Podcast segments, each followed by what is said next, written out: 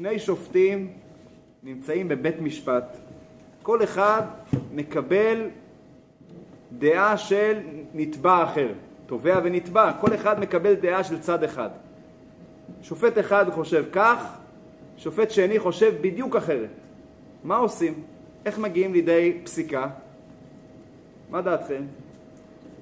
שואלים, האם זה סביר או לא סביר? יבוא הכתוב השלישי ויכריע ביניהם. שני שופטים לא יכולים להכריע לבד. חייבים גם שיבוא שופט שלישי. אגב, שימו לב שבית משפט תמיד צריך להיות בנוי מאי זוגי. כדי שיכול לבוא לידי הכרעה, יבוא השלישי ויכריע ביניהם, מחכים לשמוע את הדעה של השלישי.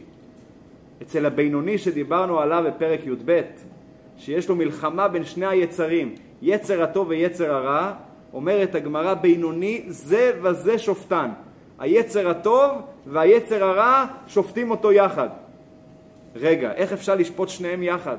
אחד לוקח, היצר הרע לוקח צד אחד, היצר הטוב לוקח את הצד השני בדיוק, איך אפשר להגיע לידי הכרעה? בשביל זה צריכים שופט שלישי.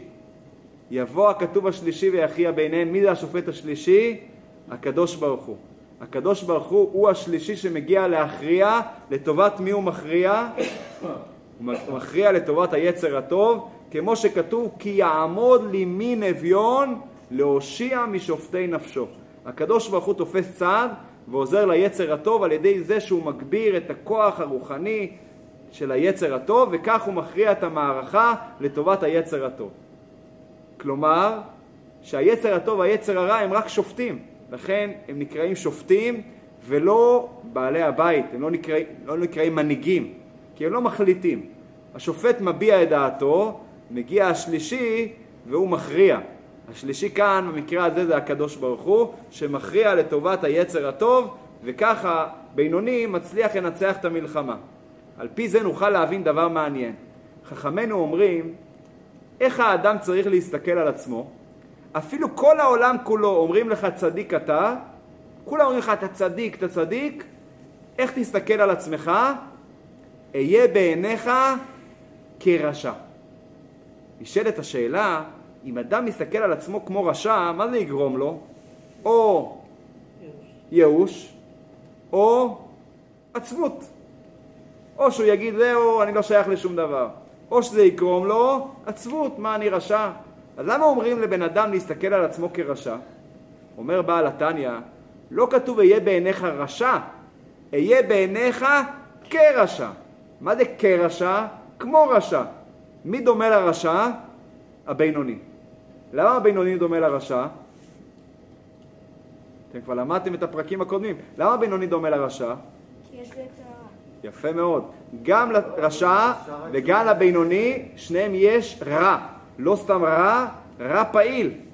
הרשע נכשל, הבינוני, למדנו בפרק הקודם, מצליח להתמודד, להתגבר, אבל שניהם יש להם רע. לעומת הצדיק, שהוא אין לו רע. אהיה בעיניך כרשע.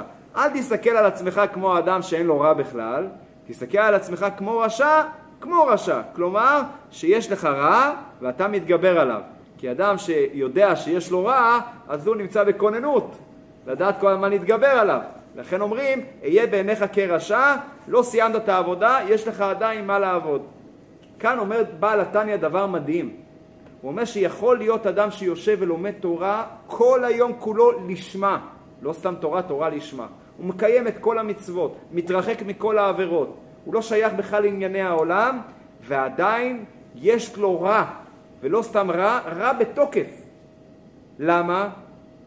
כי הרע הוא לא נעלם מעצמו. ניתן לכם משל, אם יש חלילה נחש בבית, ואתה אומר, אני לא מסתכל עליו, לא מעניין אותי, אני מתעלם ממנו. אז הנחש ייעלם? לא ייעלם, הוא קיים. אדרבה, אולי הוא יגדל, יאכל, יתפתח. הוא לא נעלם מעצמו. אז כך גם הבינוני יכול להיות אדם תלמיד חכם, ירא שמיים. אם הוא לא מטפל ברע, הרע קיים. יכול להיות שהוא מתעלם ממנו, הוא מתגבר עליו, אבל הרע עדיין קיים. לכן הוא אומר, מי זה הבינוני? זה לא רק אדם סתם שנלחם עם יצר הרע, סתם אדם פשוט. יכול להיות רב גדול, צדיק גדול, ירא שמיים גדול, כל היום בתורה ובמצוות, עדיין יש לו רע. הוא מטפל בו והוא נאבק איתו. לכן אצל חסידים היו לפעמים לוקחים דמויות מאוד מאוד אה, חשובות ונחשבות בעולם היהודי, והיו אומרים עליהם, הוא הגיע לדרגת הבינוני. זה לא היה בתור דבר להקטין אותו, זה היה בתור דבר להגדיל אותו. שהוא לא חוטא, לא במחשבה, לא בדיבור, לא במעשה, הוא מגיע לכזה רמה גבוהה שהוא הגיע לדרגת הבינוני. כי גם בינוני יכול להיות אדם שהוא מושלם לגמרי בתורה ובמצוות, אבל הנחש עדיין קיים. לא הרגו אותו, אז הוא עדיין קיים. כך אנחנו נבין, אמרתי שחסידים היו מכנים אנשים, תלמידי חכמים בשם בינוני. רבא בעצמו, אחד מחכמי ישראל הגדולים ביותר, רבא העיד על עצמו כגון ענה בינוני. אני בדרגת בינוני. איך הוא יכול להגיד על עצמו שהוא בינוני? מי זה היה רבא? כתוב בתלמוד שרבא לא פסיק פומי מגירסה, לא היה מפסיק אפילו לרגע אחד מללמוד תורה. אפשר לקרוא לו בינוני? כל הזמן לומד תורה, איך אפשר לקרוא לו בינוני? אחרי שלמדנו מי זה הבינוני, כן, אפשר לקרוא לו בינוני, כי בינוני זה גם אחד כזה שהוא לומד תורה כל היום, מקיים מצוות כל הזמן, לא עובר שום עבירה, אם הוא לא טיפל ברע, אז הרע עדיין קיים. לכן בעל התניא אומר, לכן טעה רבה לומר שהוא בינוני. זה היה טעות, זה לא באמת היה אמיתי, אבל אפשר להבין את המקור של הטעות שלו. אפילו אם לא היה לו שום מאבק עם היצר הרע לרבה, יכול להיות, הוא אומר, שהסיבה שלא היה לו מאבק עם היצר הרע, כי הוא הגיע לדרגה כזו שהלימוד של רבה היה בדרגת התפילה. מה אמרנו בפרק הקודם לגבי תפילה? שהבינוני בשעת התפילה, אתם זוכרים מה למדנו? הרע כאילו לא קיים. הרע ישן, הרע לא פעיל. כל הזמן הרע פעיל חוץ משעת התפילה, שאז הרע כמו ישן. מה זה אומר ישן? אדם ישן הוא גם מתעורר. אז ככה הרע של הבינוני בשעת התפילה שהוא מגביר את אהבת השם אצלו, הרע ישן. לאחר מכן הוא יכול לחזור ולהתעורר. אצל רבא אולי דרגת הלימוד שלו היה כמו דרגת התפילה, ולכן כל הזמן הרע היה ישן, אבל זה לא אומר שהוא סיים עם הרע לגמרי. לכן רבא אמר על עצמו שהוא בינוני. לכן, על פי כל מה שלמדנו בפרק הזה, עבודת הבינונים, לפי בעל התניא, היא לא נקראת עבודת אמת. אתם מרימים גבה. מה זה נקרא אמת? אמת זה דבר קבוע ונצחי. אמת זה דבר שאין לו שינויים. אמת לאמיתתה. הצדיק, עבודתו היא אמת, כי אהבת השם שלו היא תמיד קבועה, והמלחמה עם היצר תמיד היא, היא מוחלטת, היא מוחצת, כיוון שאין לו יצר הרע. עם המלחמה עם היצר, יותר נכון להג... לומר, ההתגברות על היצר היא מוחלטת, כי אין לו יצר הרע. לעומת זאת הבינוני, יש לו מאבקים, היצר הרע קיים, וגם אם בשעת התפילה הוא מרדים אותו, אבל הוא עתיד לחזור ולהתעורר, לכן הוא אומר, זה לא עבודת אמת. הוא כן קורא לו בשם שפת אמת, קרוב לאמת. שפת אמת תיכון לעד. למה? כיוון שהבינוני יש בכוחו כל יום להגביר את האהבה לשם בשעת התפילה. אז אמנם זה לא כל היום, אלא כל יום, אבל זה אמת, יש אומרים אמת לשעתה, אפשר אמת בשבילם, זה לא אמת לאמיתתה.